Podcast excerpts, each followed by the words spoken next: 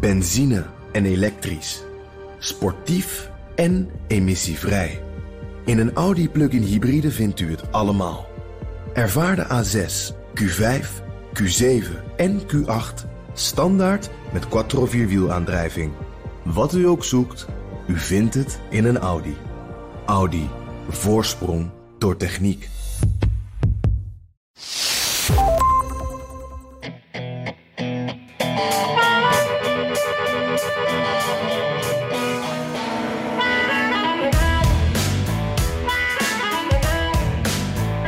Trump-tape deed heel wat stof opwaaien. Heel Amerika kon nu meeluisteren hoe Trump documenten deelde die naar eigen zeggen geheim waren, inclusief het geritsel van de papieren. We had a lot of papers, a lot of papers stacked up. In fact, you could hear the rustle of the paper, and nobody said I did anything wrong. President Biden wil ondertussen Amerikanen overtuigen van zijn economische successen. So we're changing. We decided to replace this theory with what the press is now called Bidenomics. I don't know what the hell that is. But it's working. Ja, Bidenom eh, eh, Bidenomics. Het werkt volgens beiden, maar wat is het nou eigenlijk? Dit is aflevering 186 van de Amerika-podcast. Mijn naam is Jan Posma vanuit een zonnig Miami met een kopje koffie en eh, bijgestaan door onze tijdelijke huisanalist Freddy. Eh, dat is een hondje die zich mogelijk nog even laat horen later in de podcast. Dus als jullie geblaf horen, dat is Freddy. En ik ben eh Bernard Hammelburg vanuit de studio met een verse be- beker koffer. Bijgestaan, jij en eh, ik en Freddy dus ook, door Ivo. Jan, Ja, ehm, en die, die blaft een stuk minder, maar ja. die is goed met eh, de knoppen ja, volgens die mij. is Hè? zeer goed met de knoppen en heel streng. Dus al- Uh-oh. we zijn ja, nee, een hele strenge man is dat. Oké, Jan, Miami. Ehm, ben je met pensioen? nou, dan zou ik je wel wat beter passen, ja. Want ik geloof dat, eh, dat de halve bevolking hier met pensioen is, Bernard. ja, en een uitstekende plek ook. Ja, ja, ja. maar waar- hoe, hoe bevalt het en, en eh, ja, hoe komt die stad op je af? Ja, nou, eh, het, het is een heerlijke stad. Eh, ik, ik was er wel eens eh, wat eerder geweest, gewoon op bezoek. En dan ben je er altijd wat korter. En nou, ik had de vorige keer ook al uitgelegd dat ik nu de luxe heb... dat ik er wat langer kan zitten, omdat we op het huis van kennissen passen. En ook op de hond dus. Die komt nu binnenlopen trouwens, Freddy. Houdt zich nog even stil. We weten van een vorige aflevering... Nou, hij loopt ook meteen wat om. Dat als we het over Trump hebben, dat hij dan soms gaat blaffen. Ja. Nu gaat hij nog eventjes wat Poli- drinken. politiek Maar geëngageerde hond heb je daar. Ja, zeker. We weten nog niet wat hij stemt, maar Trump maakt wat bij hem los in ieder geval. ja. Eh, eh, en jou, ik dwaal een beetje af. Miami dus. Ja, het, het is echt een heerlijke stad om te zitten. Het is hier eh, wel heel warm in de zomer natuurlijk, weten we ook. Maar het is echt, Washington is benauwd en warm in de zomer. Hier is het nog even een, graadje, een paar graadjes erger. En wat me elke keer weer opvalt... Ik bedoel, iedereen denkt bij Miami meteen aan Latino's, aan Cubanen... die hier natuurlijk in grote getalen zitten. 70% van de stad is Latino. Eh, het is een stad met een heel eigen identiteit en mix daardoor. Ehm, ik hoorde ook al iemand zeggen, het is de hoofdstad van Midden-Amerika. Dat vond ik ook wel mooi eh, omschreven, want zo voelt dat ook wel. Er komen hier zoveel mensen uit eh, allerlei Midden- en Zuid-Amerikaanse landen... en dat mixt allemaal met Amerika. En, en dat, nou, dat wordt dus zo'n eigen potpourri. Ja, wordt joh, dat. joh, dat, dat, dat- En- dat zeg je nou, maar dat schiet me binnen. Ik ken dus heel veel mensen die in het Caribisch gebied wonen. En ook bijvoorbeeld in Colombia. En, en de elite, als die naar de tandarts moeten, gaan ze naar Miami. Ah, ja. Ja, dus ja, dat ja. Oh, dat kan ik me heel goed voorstellen. Ja, En en met die pe- pensionados die jij eerder noemde, zijn hier ook heel veel artsen en eh, tandartsen is bij opgevallen. dus eh, eh, ja, dat verklaart het dan wel weer. Ja. En, en het is, maar het, het voelt dus heel anders dan de rest van Amerika. Maar het is wel Amerika natuurlijk. En ik denk in veel opzichten is het ook de, de toekomst van Amerika. Juist met al die invloeden vanuit Midden- en Zuid-Amerika. En eh, nou ja, ik heb dan het gevoel, als ik dit allemaal zo vertel, dat ik ook enorm open deuren aan het intrappen ben. Want dit zijn ook dingen waar we aan denken als we aan Miami denken. Maar ik ben dan toch elke keer weer verrast over wat dat in de praktijk betekent. Als je op straat loopt, als je in een winkel bent, als je met mensen praat. Je hoort en ziet hier zoveel Spaans en zoveel eh, Latino-invloeden, eten, winkels. Eh, hoe mensen dus met elkaar praten. Eh, heel veel mensen spreken ook eh, niet eens Engels. Dat, dat, dat blijft ook toch, je weet het. Maar als je het dan weer eventjes meemaakt en je staat ergens en, je vraagt iemand wat... en het is echt van, nee, no English, en dan houdt het op... denk je toch wel even van, jemig, dit is echt een stad met een eigen... allemaal eigen gemeenschapjes, eigen cultuur. Al die dingen komen hier samen en... Uh, nou, nog tenslotte een, uh, een voorbeeldje daarvan.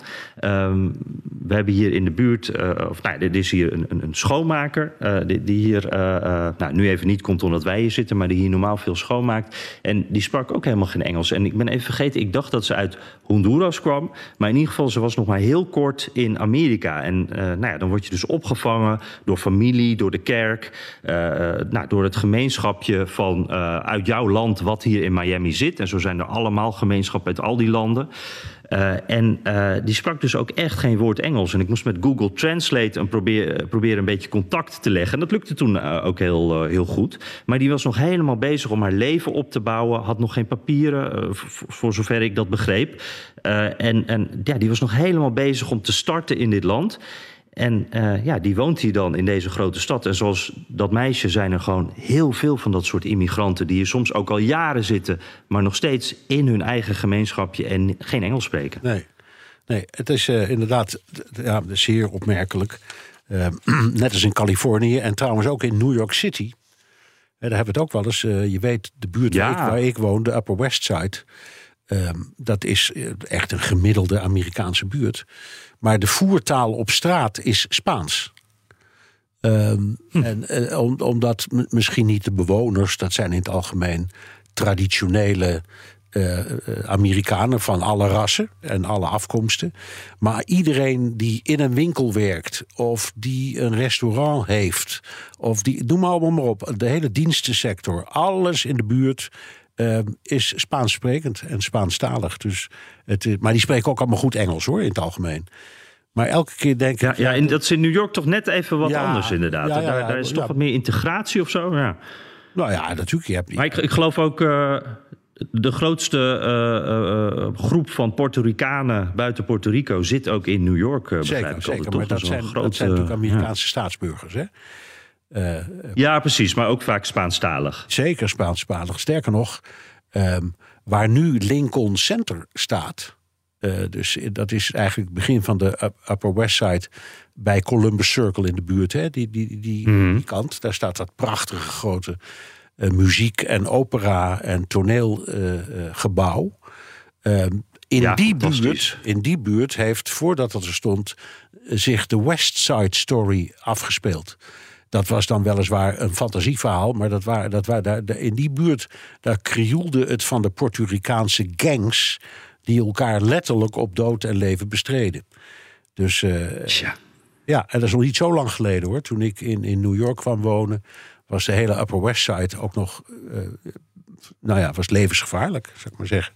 Ze is veel veranderd. Ja, ja. Gold voor Miami ja, nu Jaap ja. van Zweden, de scepter, of, of de, de, de, de, de in, de, uh, in, in, de concertzaal staat... En, en, daar waanzinnige klassieke muziek laten horen... dat was een plek waar vroeger de bendes de scepter zwaaiden... en gevochten werd. Dat is een ongelooflijk idee. Exact, exact. ja. Hey Bernard, en uh, uh, voordat ik ook nog even naar, naar jouw uh, speciale band met Miami wil, wil ik het ook nog even kort over de invloed van de Cubanen hier hebben. Want er zit, zit hier 1,2 miljoen Cubanen. dat is bijna de helft van Miami-Dade. Dat is zeg maar de gemeente Miami-stad. En uh, dat vind ik ook wel, dat is echt een groep die ook super interessant is. Want Cuba, dat ligt hier natuurlijk, ik geloof dat het 90 mijl is, zo ongeveer, dat het hier uit de kust ligt. Um, dus echt dichtbij. En uh, je hebt hier ook uh, Little Havana natuurlijk, die wijk waar al die ja, Cubaanse mensen die allemaal gevlucht zijn ja, na de revolutie in 1959 Ik weet niet of het er nog is, maar er waren altijd al die sigarenfabriekjes. Van, ja, precies. Ja, ja, ja, Voor, ons toeristen ook natuurlijk. Ja, En lekkere koffie. Oeh. Ja, is, e- ja. Ja, heerlijke koffie en Cuban sandwiches. En ik vind dat een mooie plek, want dat is gedeeltelijk dus ook wel toeristisch. Maar aan de andere kant is dat ook de plek waar een beetje die weemoed naar vroeger ook voor veel Cubanen echt tot uiting komt. En uh, waar uh, ze, ze, ze, domino aan het spelen zijn in dat parkje. En, en waar mensen ook echt die komen om die Cubaanse muziek weer even te beleven. En weer eventjes uh, de oude vrienden te ontmoeten. Dus ik vind dat echt een, een hele mooie plek. En, en toen ik daar, mijn ouders waren afgelopen week op bezoek, toen waren we daar ook even eventjes. En toen liepen we daar zo langs, uh, langs die, die winkeltjes die jij zo beschrijft. En nou, het is gewoon een leuke plek. Je denkt echt uh, eventjes dat je weer in een heel ander land bent. En uh, toen hoorde ik ook een ober tegen een Amerikaanse toerist vertellen, uh, eigenlijk uitleggen hoe, uh, hoe dicht bij Cuba eigenlijk was. En dat was een heel grappig gesprek om te horen, want die man die, die, die, vroeg dus die Amerikaan van, en hoe is het weer daar dan in Cuba? Is dat anders dan hier? En dan die ober van, nee meneer, dat is gewoon helemaal hetzelfde. Het, is, het ligt hier vlak voor de kust. Het, ja. het is daar net zo warm en, en net zo benauwd als dat het hier is. Het is echt precies hetzelfde. En, en wat voor koffie drinken jullie daar dan? Ja, ook de, de Cubaanse koffie, wat we hier ook serveren.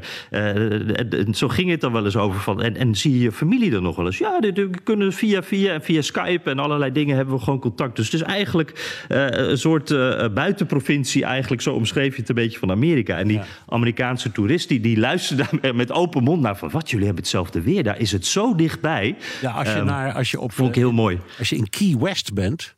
Dus dat is dat eilandje, dat die eilandenreeks, die liggen zeg maar ten zuiden van Miami een eind richting het Caribisch gebied. Key West is dan de allerlaatste. En op een van de stoepranden staat daar, ik geloof in rood-wit geschilderd op. De afstand van dit punt tot Havana is 90 mijl. Mm, en, en, dat, ja, en dat ja, stond erop ja. omdat uh, je had natuurlijk al die, uh, die ik zou maar zeggen, die, die, die, die bootvluchtelingen en al die overtochten uit de jaren 70 en 80. En die kwamen bijna allemaal daar aan land, want dat was het dichtstbijzijnde punt. Ja, Ja. ja. En ik uh, begreep, uh, de laatste tijd gebeurt dat uh, wel meer. De, het was een tijdje wat rustiger, maar de laatste tijd zie je weer af en toe berichtjes dat in hele kleine bootjes, en inderdaad de keys zijn het dan, waar ze dan aankomen, groepjes van tientallen Cubanen die dus toch weer die oversteek wagen. En er was laatst zelfs geloof ik een soort lichtgewicht vliegtuigje, dus het gebeurt nog steeds. Ja. En, en, en, Hey, en, weet, eh, de maar, immigratie, ja. immigratiewet is ook aangepast. Hè. Cubanen hebben een uitzonderingspositie. Die krijgen eigenlijk zonder veel gedoe eh, meteen een verblijfsvergunning. Dus die, Ja, die, ja, ja. bootvluchtelingen hoeven niet door een ingewikkelde procedure. Nee, omdat die ook als politieke vluchtelingen worden gezien die eigenlijk asiel aanvragen. En eh, ja, te- tegen het eh, communisme ook. Hè? dus dat, is dat. ja, dat past wel. ja, ja. En Noord-Korea. Hey, eh, Bernard, eh, toen eh, we het van tevoren al eventjes erover hadden... Van, dat we het over Miami gingen hebben... toen vertelde jij een heel mooi verhaal. Jij hebt een speciale band met Miami. Ja, Vertel. in zoverre, het was de eerste plek in de Verenigde Staten waar ik ooit ben geweest. Ik kwam binnen in Miami voor het eerst in mijn leven, dus in Amerika in 1977. Ehm, Mm. En dat was omdat ik was een film aan het maken in ehm, Colombia. Eh, en toen kreeg ik plotseling een, toen ging dat nog zo, een telegram van mijn chef in Hilversum. En die zei: Wil je als de wiede weer gaan naar New York? Want toen was die ramp op Tenerife geweest.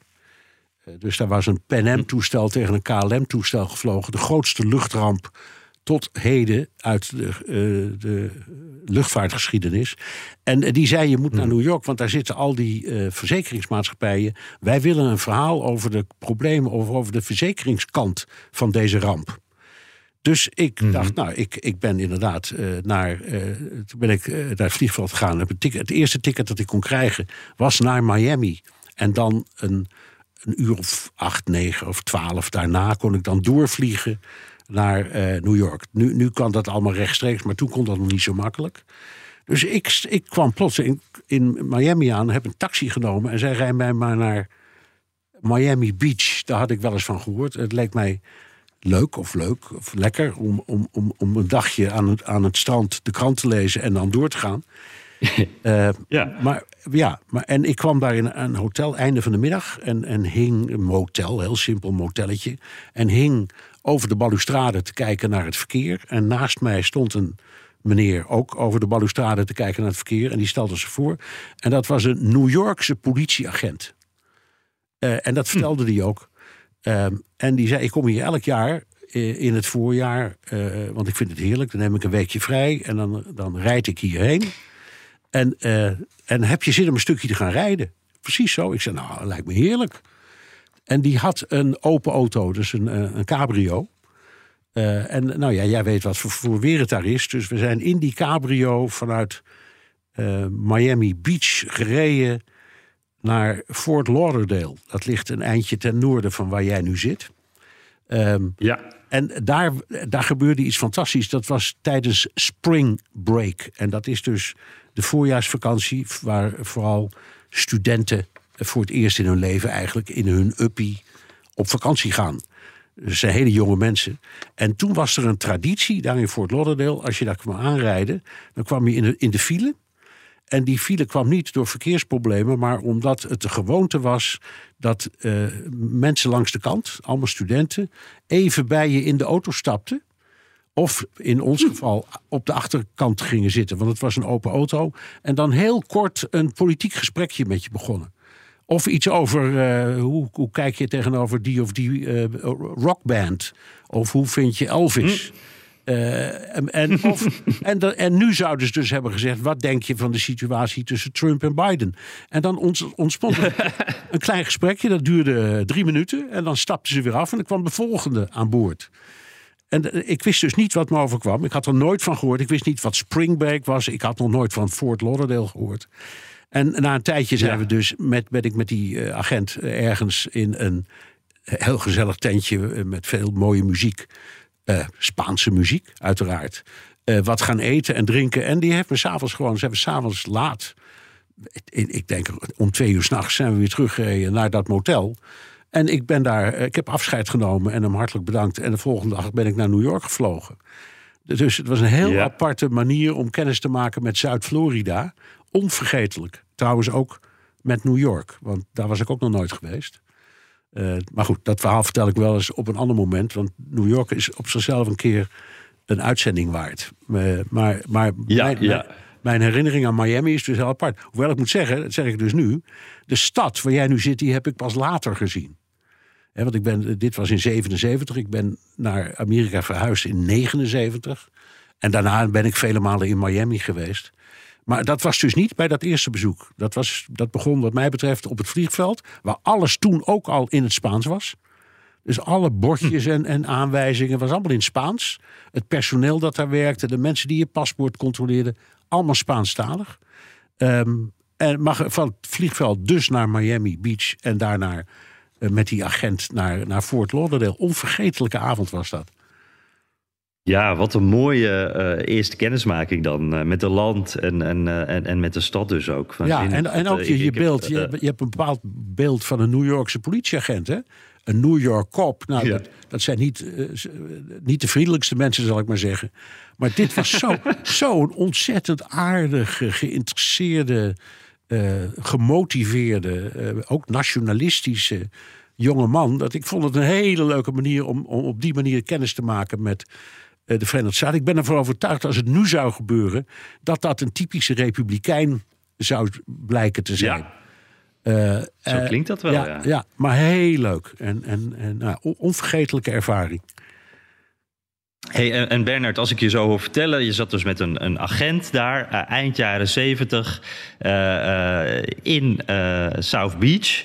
ik moet dan meteen denken aan Sonny Crockett, aan Miami Vice, hè, die, die ja. flitsende jaren tachtig tv-serie.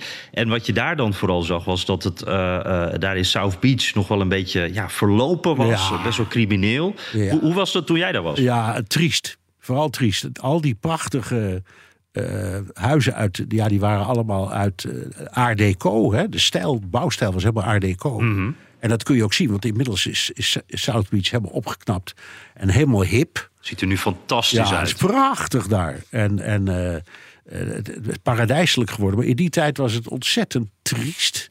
Um, heel veel van die prachtige gebouwen waren bejaardenhuizen voor arme mensen. En dan, als je daar langs liep of reed, dan zag je dus op al die patio's of al die balkons zag je van die eenzaam voor zich uitstarende bejaarden in rolstoelen en met rollators. en die keken allemaal, die zaten allemaal te wachten uh, op, op het einde. Zo zag het er echt uit. Het was heel treurig. Hm. Dus toen, toen dat allemaal ja. werd ge. Nou ja. Uh, toen, toen, toen Miami eindelijk ontdekte wat een parel ze in hun eigen stad hadden. Ja, toen, toen kwam het goed. En toen kwam South Beach weer tot leven. Wauw, ja, ja. En nu is het dus uh, de toeristenbestemming. Al die Art Deco-gebouwen zijn fantastisch mooi opgeknapt. Schitterend. Uh, ja. Je kan er, ja, het is echt een heerlijke plek om te zijn. Uh, ook een dure plek om te zijn trouwens. Nou. Maar het is echt, ja, als je aan Miami denkt, dan is dat het wel, hè? Ja, zeker. Nou, leuk man. Ehm, hey, eh, ja, en we moeten, uh, voordat we helemaal in een soort vakantiesfeer gekomen zijn, moeten we het ook nog even over het nieuws van de week hebben. Hè? Um, en dan gaan we toch weer eventjes terug naar die andere Florida-bewoner, Donald Trump. Uh, die opname van hem, waarin hij vertelt dat hij uh, geheime documenten uh, voor zich heeft. die zijn gekomen van generaal Milley.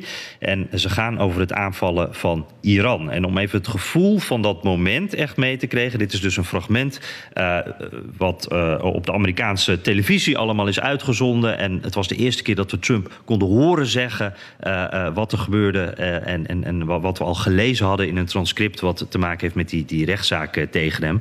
Um, inclusief het geritsel. Laten we even een wat langer stukje horen. All sorts of stuff. It's pages long. Look. Wait a minute. Let's see here. yeah. I just found. Isn't that amazing? This totally wins my case, you know. Mm-hmm. Except it is like highly confidential, yeah. secret. this is secret information. But look, look at this. You attack, and Hillary would print that out all the time, you know. she sent Private it, no, email. she sent it to Yeah. Anthony Weiner, yeah, yeah. the pervert. Please Um, print. By the way, isn't that incredible? Yeah. I was just saying because we were talking about it, and you know, he said he wanted to attack Iran and what. These are the you did. papers. It's pretty, This was done by the military, given to me. Uh, I think we can probably right? I don't know. We'll, we'll have to see. Yeah, we'll have to try to declassify. figure out it. a, a yeah. See, as president, I could have declassified Yeah. it. Now I can't, you know. But this is yeah, now, classified. now we have a problem. Isn't that interesting? Yeah. It's so cool. Ja, zo cool. Eh, je hoort dus een paar stafleden daar ook en, en de ghostwriters eh, voor een boek, die zitten daar ook. Daarom praat hij hierover. We wisten dus al dat hij dit had gezegd. Het, transcript hebben we al gezien. Maar nu horen we het hem dus zelf zeggen. En dat is toch wel uitzonderlijk, want altijd als er iets is met Trump... dan ja, zijn, we een beetje, zijn we op zoek naar eh, de smoking gun, wordt dan gezegd. Het moment waarop hij het dan echt daadwerkelijk zelf zegt of doet. Bijna nooit te vinden. Ja, dit lijkt wel zo'n smoking gun. Eh, Be- Bernard, als, toen jij dit voor het eerst hoorde, wat dacht je toen? Nou, ehm, het eerste wat ik dacht, ik moest weer even terugbladeren hoe die zaak ook in elkaar zat.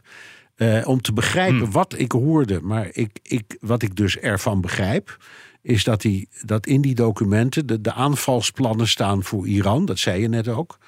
In het geval Amerika een oorlog tegen Iran of een aanval op Iran zou gaan doen. Ehm, maar de rol van eh, de, de, zijn coterie rondom hem, die was me niet helemaal duidelijk. Dus ik heb wel twee of drie keer moeten draaien. Toen werd het duidelijk. En toen dacht ik, ja, ehm, eh, dit, dit, het is hetzelfde, precies zoals je zegt, als de transcriptie die we al hadden. Maar als je hem zelf hoort zeggen, is het toch veel overtuigender. Veel overtuigender, denk ik, eh, in een rechtszaak. Ja. Ehm, en eh, dit gaat ook over de kern ervan. Want eh, wat hij steeds zegt is: ik mag in principe gewoon documenten meenemen. Er staat nergens dat het niet mag. Hoewel er wel ergens staat dat het niet mag, maar dat vindt hij dan. En, en eh, hij heeft steeds gezegd: joh, er waren echt geen grote geheimen bij. En dit is echt een staatsgeheim. En dit is ook niet ongevaarlijk om dit soort dingen te lekken. Want als de wereld hoort dat Amerika een aanvalsplan heeft op Iran, dan heeft dat enorme gevolgen. Bijvoorbeeld eh, in Saoedi-Arabië. Wat denk je dat ze daar denken als ze zoiets horen? Of in Israël. Wat denk je als ze daar eh, dit soort nieuws horen? Of leden van het congres. Of ehm, in nu het, het, het huidige ministerie van Defensie. Die willen echt niet dat dit soort plannen, als ze al bestaan, in de openbaarheid komen. Dus het, het, is, het is overtuigend en ik vind het nogal overweldigend. Ik kan niet beoordelen hoe het uiteindelijk juridisch uitpakt. Jan, wat denk jij? Ik, als je dit zo hoort, hè, wat denk jij nou? Ehm, verandert dit de zaak juridisch? Ja, nou, eh, dat, zou wel kunnen. Want ik denk, eh, de, hier is in die zaak is straks ook een jury die eh, overtuigd moet worden. En ik denk dat die jury, nou ja, als ik jurylid zou zijn, dan zou ik denken wat jij ook zegt: van wacht even, ik hoor het hem nu zeggen. En dat voelt toch veel krachtiger en overtuigender dan wanneer je het leest op papier. Want dan denk je toch een beetje van ja, ik kan het me, ik lees het, maar ik kan het me niet voorstellen. En nu hoor je hoe hij het zegt, eh, ook, ook de toon. Dit plaatst, geeft ook veel meer context aan hoe hij het zegt. Want wat jij ook aangaf, ik had het in het begin ook van waarom praat die man hier nu over? In wat voor context is dit gebeurd? Nu snap je dat beter. Ja. En ik heb wel het gevoel dat dit dus een jury zou kunnen beïnvloeden. Maar verder, feitelijk, wat hij letterlijk zegt, ja, dat wisten we. Dus Ja. op dat punt eh, heeft, is het niet zo dat dit een nieuw eh, bewijs is... wat de boel zeg maar nog eh, moeilijker maakt. Nee, voor en, en, en ik kan me voorstellen dat zijn advocaat tegen de jury zegt: laat je nou niet gek maken. De feiten zijn duidelijk, die heb je al op papier.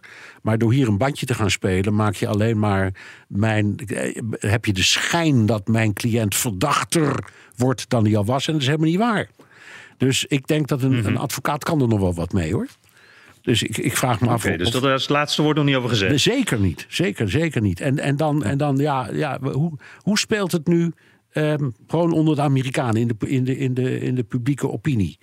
Ehm, hoe, wat, wat zie jij, wat hoor je, wat, wat zie je aan peilingen? Je houdt die dingen altijd precies in de gaten. Ja, ja, ik vond dit ook wel weer zo'n momentje dat je. Want nou, eh, laat ik eventjes één stapje terug eh, zetten. Ik merkte eh, in de Amerikaanse media grote opwinding. Natuurlijk, dat is altijd zo, snap ik ook. En nu kan je het ook als CNN, die had het als eerste. Dus natuurlijk is het dan groot nieuws en je kan dit laten horen. Dus dit is gemaakt voor de radio, gemaakt voor televisie.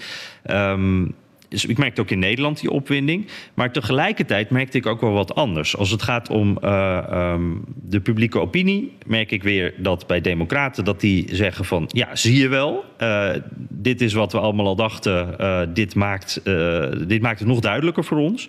En als ik kijk naar wat Republikeinen zeggen en ook wat zij te horen en te zien krijgen in Republikeinse of, of meer rechtse media. die krijgen dit gewoon amper te horen.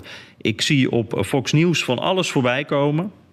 Eh, maar dit eigenlijk niet of amper. Eh, die dag en de dag erna, ook op de website van Fox News, kwam dit berichtje. Ik heb het gewoon niet voorbij zien komen. Nee, er hebt misschien gelijk. wel even opgestaan. Ja, heb je, is mij Ja. ook opgevallen. Ja, het was jou ook opgevallen. Ja, is mij ook opgevallen. ja, Ja, ja.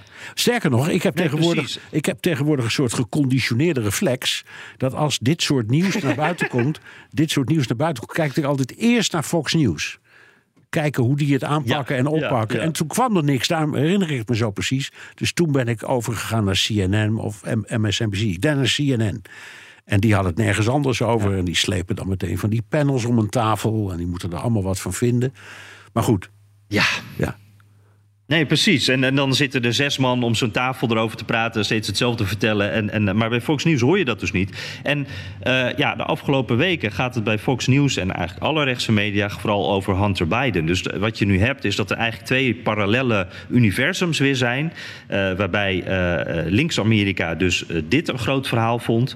En dat rechts-Amerika eigenlijk het alleen maar over Hunter Biden had. Eh, een- klokkenluider die, die zegt daar bijna dagelijks iets anders over. Die heeft dagelijks weer een nieuw, eh, eh, nou ja, heel pijnlijk detail over Hunter Biden. Eh, tot nu toe zonder bewijs. Maar dat is in ieder geval waar Fox News ook steeds alertjes over verstuurt. Het laatste wat hij ook zei was volgens mij dat eh, ook de laatste verkiezingen een inside job waren. Dus dat daar ook echt iets eh, volgens die klokkenluider verkeerd is gegaan. Eigenlijk wat Trump dus ook altijd zegt. Ehm, dus dat is het verhaal wat rechts-Amerika steeds hoort. Dus als je het Fox kijkt, dan krijg je dit verhaal amper mee. Voelt het helemaal niet als iets belangrijks. En eh, krijg je eigenlijk heel sterk het gevoel. Dit is niet het verhaal. Hunter Biden, dat is het verhaal. Dus ik heb het gevoel dat dit eh, weer. ik voel de herhaling ook als ik het zeg hoor. Maar dat dit weer niet zoveel in die publieke opinie zal doen.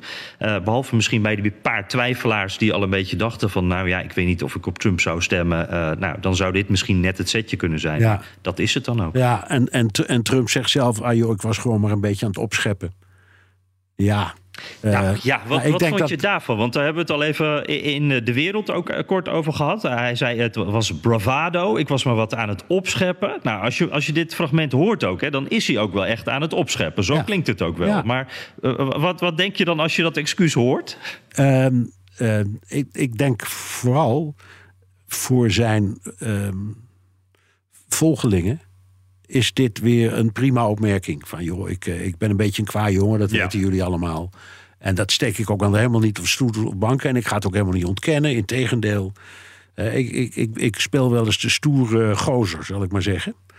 Eh, en dat, Ja. vindt, dat vindt zijn gevolg prachtig. En bij, de- aan de andere kant, ja, daar hebben, kunnen die zes mensen om de tafel bij CNN dan weer een uur over praten om te zeggen wat een vreselijke schande het is. Dat hij ook nog zegt, eh, toe, niet alleen toegeeft, maar ook zegt: joh, het was gewoon opschepperij.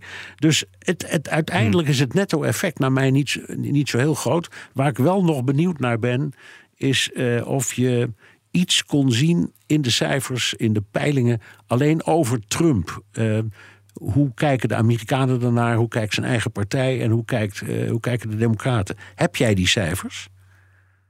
Ik heb nog niet iets gezien na de opname. Nee. Nee, oké. Dus, uh, dat heb nou goed, niet. Dan komt, nee, zodra, zodra we die, daar ben ik wel benieuwd naar hoor. Of het nou uit, uiteindelijk ja, enige invloed ja. heeft op zijn eigen groep. Ja, ik ook. Maar ja, ik denk dus, als je zo diep bent ingegraven, dan wordt het ook wel heel moeilijk om weer uh, je uit te graven. Ja. dus ik denk dat die blijven waar ze zijn. Ja. Nou, hey, we moeten het nog even over die andere man hebben, Joe Biden. Hè? Uh, hij gaf een, een groots aangekondigde toespraak. De, de, campagne had duidelijk moeite gedaan om hier heel veel aandacht naar toe te laten gaan. Het ging over de economie. zijn campagne zal proberen om zijn beleid en zijn successen vanaf nu echt te verkopen aan de kiezer. En een toverwoord daarbij is Bidenomics. Uh, ja, uh, moeten we even over hebben hoe die situatie uh, nu is met de economie. Amerika is denk ik redelijk uit die pandemie gekomen. Beter dan sommige andere landen. Maar Amerikanen zijn ook heel negatief over Biden en welke kant het land opgaat. Dus er valt ook nog wel wat te verkopen daar voor de campagne. Ja, ja nou het is ook heel moeilijk om te beoordelen. Um, om, omdat het, het valt niet mee om de cijfers te interpreteren. Dat zeg ik even vooraf. Mm -hmm. de, bijvoorbeeld de, de, kwestie van de staatsschuld. Uh, die, daar hebben we het niet meer over, omdat daar een akkoord over is gesloten. Maar uh, daarmee is die staatsschuld niet plotseling weg. En als je die doorberekent in de economie, is het toch behoorlijk uh, desastreus. Maar goed, er, zijn, er is goed nieuws. Uh, de, de, werkloosheid is heel laag. is uh, een van de laagste punten ooit. Nou, dat is voor elke Amerikaanse president een heel belangrijk ding. Uh, hij heeft uh, zijn, zijn plan om de infrastructuur te verbeteren. en te investeren in het land door het congres gekregen. Maar het rare is dat, dat het lijkt wel alsof dat afgeleid uh, op, op, op het publiek, en afval op het publiek dat hij wil bereiken. Uh, want uh, driekwart van de Amerikanen vinden dat het land de verkeerde kant uitgaat onder Biden. En maar één op de drie Amerikanen vinden dat hij de economie goed aanpakt. Dus ja, wat is nou Bidens boodschap? Wat is Bidenomics, Jan? Ja, nou je hoorde hem aan het begin al zeggen dat hij ja, dat hij zelf, zelf ook, ook niet, nee. niet wist. Nee. Nee. dat is ook onderdeel van zijn spelletje een beetje. Maar daar komen we zo nog wel even op. Uh, maar ja, het, het, is dus in grote lijnen zo. Biden heeft heel wat gedaan op economisch vlak. Sommige dingen ook met redelijk succes. Maar de mensen ja, willen dat, associëren dat niet met, uh, met hem. En Biden die zegt nu... Ja, ik, ik ga duidelijk maken wat ik goed doe ten opzichte van mijn republikeinse voorganger. En ja, wat volgens mij nou de kern van Bidenomics dan is, is dat hij de economie gaat verbeteren met de middenklasse uh, uh, ook echt in het middelpunt. Dat is het belangrijkste. Die middenklasse moet daarvan uh, profiteren. En dan zegt hij dus van, nou ja, ik heb die, die, die, die jij noemde het al, die infrastructuur, miljarden. De, de, ook noemt hij het corona-hulppakket.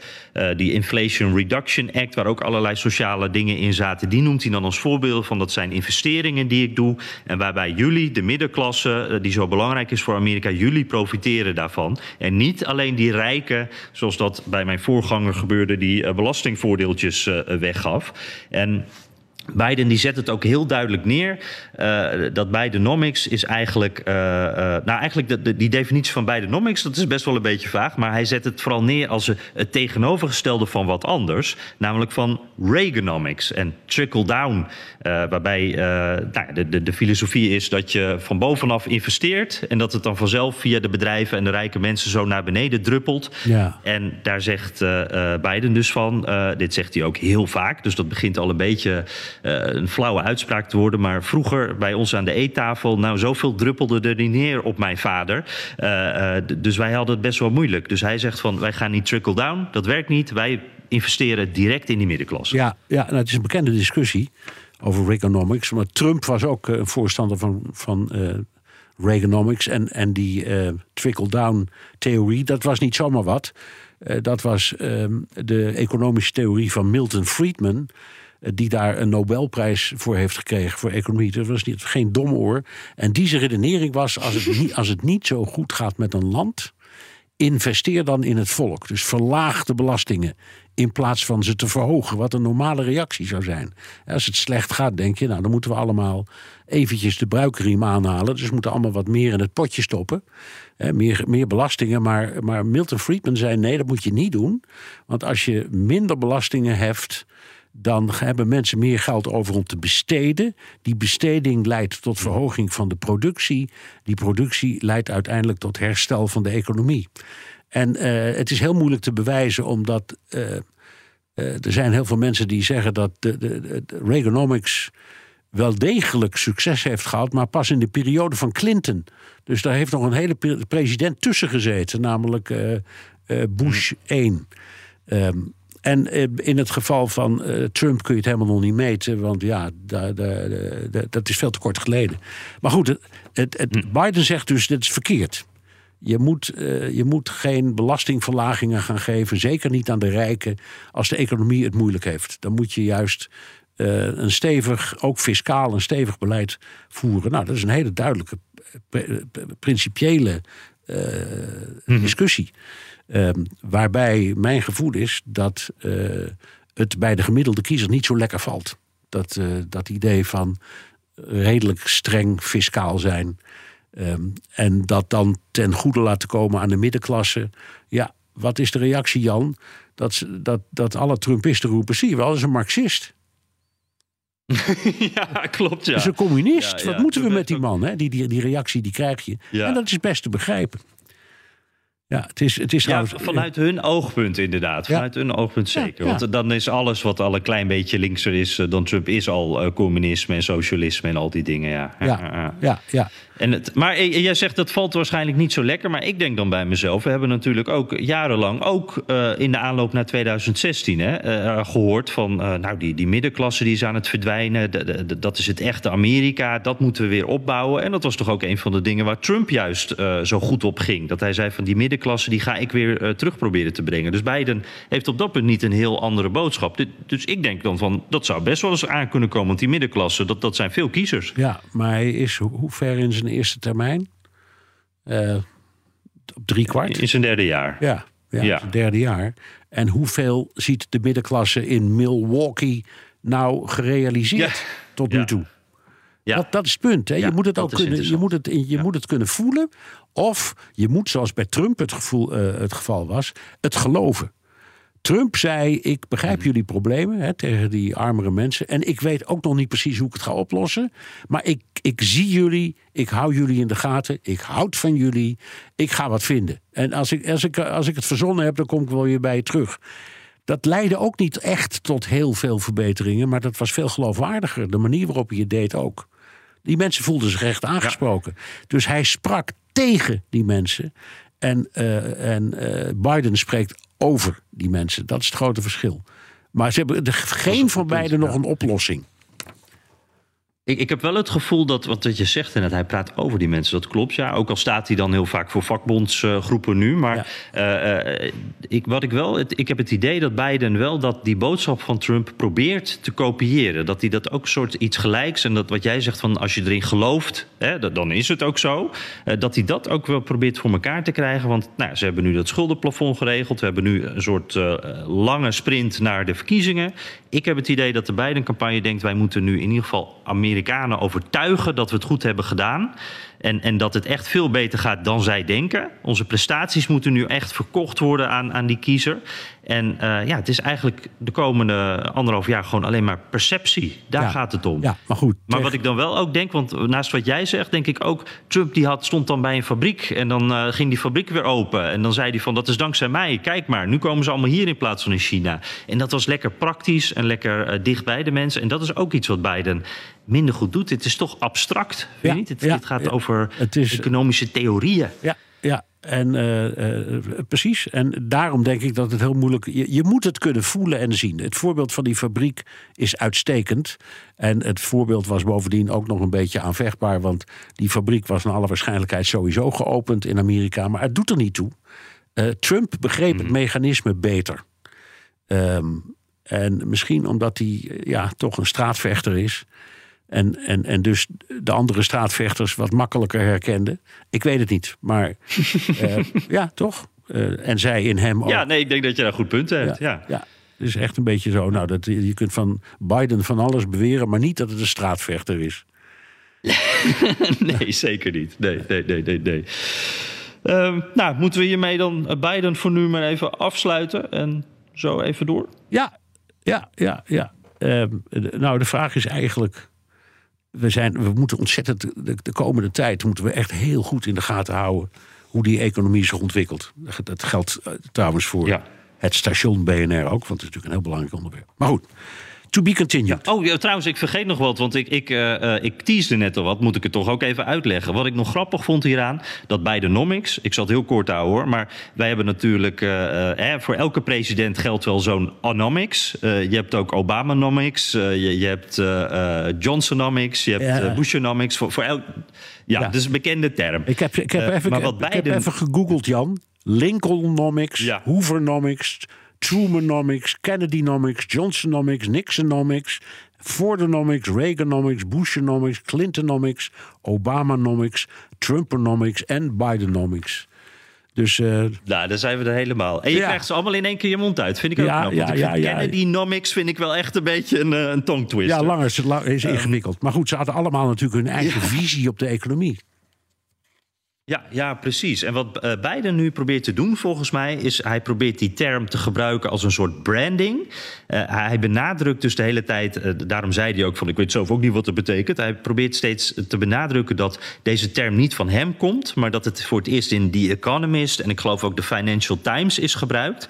En volgens mij, voor zover ik het kon vinden, klopt dat ook, maar dat was gewoon heel neutraal. Eigenlijk zoals wij het net ook hebben bespreken, zoals ook Johnsonomics en al die andere, gewoon een omschrijving van het economisch beleid van de president. Maar Biden die doet nu een beetje alsof dit een soort uh, term is voor een soort Biden uh, Wirtschaftswunder. Alsof het heel goed gaat onder Biden. Nou, daar hebben ze deze naam opgeplakt. Maar die komt dus niet uit het Witte Huis, zegt hij steeds. Dat hebben journalisten, de media hebben gedaan. Dus daarom gebruiken wij het nu ook maar. Maar het staat dus wel op alle bordjes nu en op de t-shirts. Dus hij probeert dit echt te gebruiken als een soort succeslabeltje uh, voor zijn economie. Dat vond ik erg grappig hoe hij volgens mij dus echt een beetje een spelletje speelt. Ja, ja, ja. Jan, over een labeltje gesproken. Dit lijkt mij een goed moment om de Amerika-podcast even te onderbreken voor een mededeling. Benzine en elektrisch. Sportief en emissievrij. In een Audi plug-in hybride vindt u het allemaal. Ervaar de A6, Q5, Q7 en Q8 standaard met quattro vierwielaandrijving. Wat u ook zoekt, u vindt het in een Audi. Audi. Voorsprong door techniek. Zullen we naar de luisteraars vragen, Jan? Die zijn welkom via de mail of via de Amerika Podcast WhatsApp. Daar kun je je vraag of opmerking ook inspreken. Het nummer is 06 2813 5020. Ja, en uh, Freddy is heel stil. Dat betekent denk ik dat hij het met alles eens is wat wij zeggen. Maar het zou ook kunnen dat hij in slaap is gevallen. Dus uh, uh, ik weet het niet, Bernard. Hij heeft, hij heeft een, honden, hij heeft een hondenleven, dat is duidelijk. Ja, ja precies. ja. Yvonne, die zegt uh, persoonlijk heb ik sterk de indruk dat Trump al die documenten, uh, dus die op Mar-a-Lago zijn gevonden, met voorbedachte raden heeft meegenomen met maar één doel: om er later flink herrie mee te kunnen schoppen of veel publiciteit mee te kunnen genereren, zodat er weer giga-aandacht voor hem in de media ontstaat. Want dat is precies wat er nu gebeurt.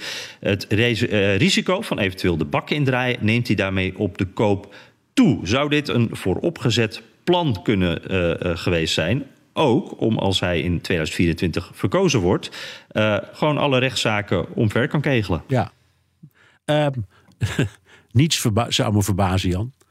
Uh, ja. Hè? Dus ik, de Yvonne heeft misschien best een punt. Ik weet het niet. Het zou kunnen. Uh, ik vind Lijkt me wel een groot risico. Want uiteindelijk wil je niet tijdens de campagne steeds naar de rechtbank. Ja, nee, precies. Het is, het is gewaagd. Maar wie weet. Uh, want je kunt het ook omdraaien. Er moet een antwoord zijn op de vraag waarom hij het heeft gedaan. Uh, ja. Want zo slim is het niet. Zoveel heb je er ook niet aan om die dingen uh, tussen je, je sporttruien en je overhemd te hebben liggen. Wat, heb, wat, kun, wat kun je er eigenlijk mee? Hè? Dus ja. de, de, vraag wat, wat, wat er nu speelt is best een goeie. Ja, precies. Ik, ik, heb, uh, ik dacht dat Maggie Haberman daar, uh, van de New York Times daar wat over schreef. En die, die zei toen iets van uh, dat het meer, ja, waarschijnlijk gewoon souvenirs zijn. En dat hij daar helemaal niet zo'n groter idee achter had. En dat, dat kan ik me best voorstellen. Ah, en ja. dat het dan dus toch ook een beetje opscheppen is, toch? Ja, Dat zou kunnen, ja. Maar ja, we weten het niet. Maar goede vraag in ieder geval. Um, we hadden ook nog een audiovraag. Pascal Ottens. Hallo Jan en Bernard. Um, Pascal Ottens hier. Um, jullie hebben al vaak benoemd in jullie uh, podcast dat als president Trump uh, veroordeeld zou worden, dat hij vanuit de gevangenis campagne mag voeren en ook dat hij vanuit de gevangenis gewoon president mag zijn. Nou, vraag ik me af, volgens mij mag een president een pardon verlenen aan een, uh, aan een crimineel, zodat hij vrijkomt. Zou Trump dan, als hij president is, zichzelf ook een pardon kunnen verlenen en dan vanuit de gevangenis zo in één keer uh, in het Witte Huis terechtkomen? Uh, ik ben benieuwd. Dankjewel. Ja, goede vraag. En het speelt ook enorm in de Amerikaanse media, hè, deze vraag. Kan Trump zichzelf gratie Hmm. verlenen? Um, ik weet het niet, volgens mij wel. Maar ik heb het antwoord gewoon niet. Jij? Nee, ja, het is echt een discussiepunt, hè, omdat het natuurlijk nog nooit is gebeurd. Dus dit is uh, onontgonnen terrein. Ja, ja, nou ja, ik ben benieuwd. Wie Ja. weet. Ja. Ja, ik ook. Het is een hele spannende vraag. Maar eigenlijk, uh, ja, de, de, de deskundigen, de, de grondwetgeleerden, de, de, die, die zeggen, die hebben daar uh, verschillende meningen over. En uh, ja, ik, volgens mij weten we het pas als het gebeurt eigenlijk. Arne de Kruijf. Um, zijn jullie bekend met de fitheid, vooral mentaal, van Joe Biden? Zijn regering doet het naar mijn idee niet slecht. Dus ik als amateur vermoed dat hij gesteund wordt door een fantastische achterban. En heeft bijvoorbeeld ook Obama hier invloed op. Ja. Ja, in hoeverre is het Biden zelf en in hoeverre is het team om hem heen ook van invloed? Nou, het team om hem heen is ongetwijfeld van invloed. Want dat is bij elke president. Uh, het zal bij hem niet anders zijn. Of hij erg op Obama leunt, waag ik te betwijfelen. Uh, mm-hmm. ik, ik, denk gewoon dat dat niet het geval is. Ik weet ook niet of Obama dat zou willen. Obama kennende. Maar dat weet ik gewoon niet. Dus, uh, en uh, het, dat, dat leunen op je vrienden, medewerkers, steunpilaren. Dat doen alle presidenten. Dus dat heeft niet zo vreselijk veel te maken met je eigen fitheid. Die fitheid is overigens wel een kwestie natuurlijk. Maar ik weet niet of, dat, mm. of dit nu precies elkaar kruist. Nee, weet ik. Dat, dat is ook heel moeilijk, want wij weten gewoon niet wat er in dat Oval Office besproken wordt en op wat voor manier. En ja, ik, het viel me wel op dat uh, die toespraak, dus, die economische toespraak, daar was hij ook wel zoekende weer. En nou ja, wat we al heel vaak hebben gezegd, hij, uh, hij oogt soms vermoeid. Uh, je, je, ziet soms de leeftijd aan hem af. Maar ja. Uh, ja voor hetzelfde geld is hij in de Oval Office, het is ook een ervaren man. weet hij de, die kwaliteiten te gebruiken en heeft hij geen last van zijn leeftijd. Nee. Ja. Ehm, hey. Ja. Ja, een Ja. anonieme vraag nog eventjes. Ja, uh, laten we er maar één doen, maar ik zie, ik zie eh, een paar nerveuze collega's van, eh, de, van eh, de, de, de, de tech-programma's. Die staan voor de ramen te springen. Dus die, die slaan mij Oh. direct de hersens in als ik ze er niet binnenlaat. Dus we hebben niet zoveel tijd meer. Ja, ja die. En eh, met een tablet kan en een iPad kan je hard eh, slaan. Ja, dus eh, ik laten we dan snel deze anonieme Ja, er nog ja. even bij pakken. En Ben van den Burg stapte hier al de studio binnen. En die, die Sorkom die wist niet Oh. dat hij binnen zat. Maar die is... ja, maar dat is een hele sterke man. Ja, dus... Ja, precies. Dat, dat zie- is nog zie- steeds een, een nu ook Joe topsporter. van Dus. Buurik. Ja, jongens, wij kennen onze plaats. We zijn zo weg. Ja. Oké. Laat ons nog eentje doen, jongens. Dan zijn we nog weg. één briefje en dan zijn we weg. Ja. Ja, precies. Eh, Deze anonieme vraag eh, die gaat over Trump en DeSantis. Zien jullie gelijkenissen of verschillen met Theodore Roosevelt en William Taft... die eh, dankzij Teddy Roosevelt zijn tweede ambtstermijn zag verdwijnen? Dit was toen ook initieel een interne strijd tussen twee republikeinse kandidaten... die ervoor zorgde dat Roosevelt zich aansloot bij de progressieve partij. Volgens mij richtte die, hij die zelf eh, zelfs op. Ja, die had nog zo'n zo'n mooie naam, hè? De, Ja. de Bull Moose partij. Eh, maar in ieder geval. En hij eh, eh, snoepte zo kiezers weg bij Taft als republikeinen, eh, republikeinse kandidaat. Is dit ook een denkbaar scenario voor Trump of DeSantis? Dus dat misschien een van de twee eh, nou, ja, eh, zijn eigen derde partijtje begint Ja. en zo eh, eh, stemmen bij de andere afstand. ja, we krijgen de vraag eh, vaak. Eh, en mijn antwoord is echt heel duidelijk. Dat gaat niet gebeuren. Eh, er is nog nooit een, iemand, ook Teddy Roosevelt niet. Het is nog nooit iemand uit een derde partij gelukt om te winnen. Dus dat gaat nu ook niet gebeuren. En het gaat altijd ten koste van anderen. Eh, Dus eh, je, je cannibaliseert. Dus eh, laten we zeggen, als Trump of DeSantis nou de kandidaat wordt voor die, voor die onafhankelijke partij. Eh, en er komt dus een andere eh, eh, republikeinse kandidaat. Dan, dan cannibaliseren die elkaar tijdens de verkiezingen. Dus ze hebben allebei verlies. Dus onverstandig. Ja, en ruzie in de tent. En eigenlijk eh, wint niemand erbij. En, en Trump die staat, eh, ja, die, die staat bovenaan om, om genomineerd te worden bij de Republikeinen. Die heeft er niet zoveel reden toe op dit moment. En DeSantis die denkt volgens mij gewoon... als het nu niet lukt, doe ik het over vier jaar wel weer. Ja. Dus die heeft er ook niet zoveel belang bij. Oké, eh, dan moeten we daar maar even bij afsluiten. Maar wij hebben nog wat weg te geven, Bernard. Die beroemde Amerika-podcast Mok, ontworpen door illustrator en vriend van de show Erik Kolen. Ehm tromgeroffel. Wie is het geworden? Ja, Gerard en Haas, die chat GPT liet verzinnen wat Biden en Trump ons zouden vragen. Dat was echt ontzettend Ja. leuk.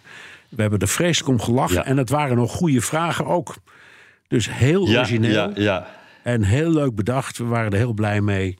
Dus Gerard, de beker komt eraan. Mooi. Nou, eh, ja, dat was hem. Terugluisteren kan via de BNR-site, Apple Podcasts of Spotify. Heb je vragen, opmerkingen, kritiek of complimenten... dan kan dat ook met een tweet naar Jan Postma USA... of BNR, BNR De Wereld of heel ouderwets... met een mailtje naar dewereld.bnr.nl. En je kunt je vraag ook inspreken of intikken... op de Amerika-podcast WhatsApp 06 28 13 5020. Ja, en zet ook je, je naam en adres er even bij, want dan krijg jij misschien wel eh, die mok toegestuurd, net zoals eh, Gerard hem krijgt. Eh, nieuwe ronde, nieuwe kansen, dus wie weet. Ehm, ja, ik zie Freddy niet meer. Ik denk dat hij dat hij echt helemaal in slaap gekukeld is op dit moment. Dus hebben wij in ieder geval lekker rustig die podcast op kunnen, kunnen nemen, Bernard. Ja, behalve dan dat we de, onze vrienden van, van de techniek... nu Oh echt- ja. Ja, ja, ja. Die staan nu echt heel boos te kijken natuurlijk. Nou, Nee, snel weg bij die microfoon dan, dan zie ik jou volgende week Oké, weer. oké, tot volgende week. Dag Jan. Hoi.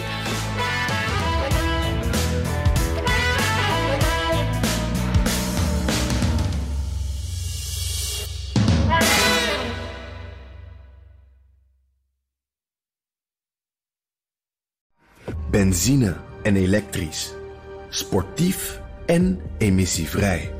In een Audi plug-in hybride vindt u het allemaal.